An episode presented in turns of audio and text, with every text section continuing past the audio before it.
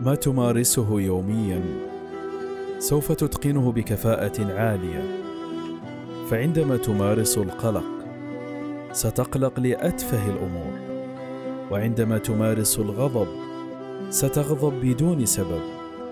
لذا مارس الطمأنينة لتتقن السكينة ومارس التفاؤل والأمل لتتقن راحة البال. ومارس الثقة وحسن الظن بالله. في حياتك تنعم بالسعادة والأمان والخير.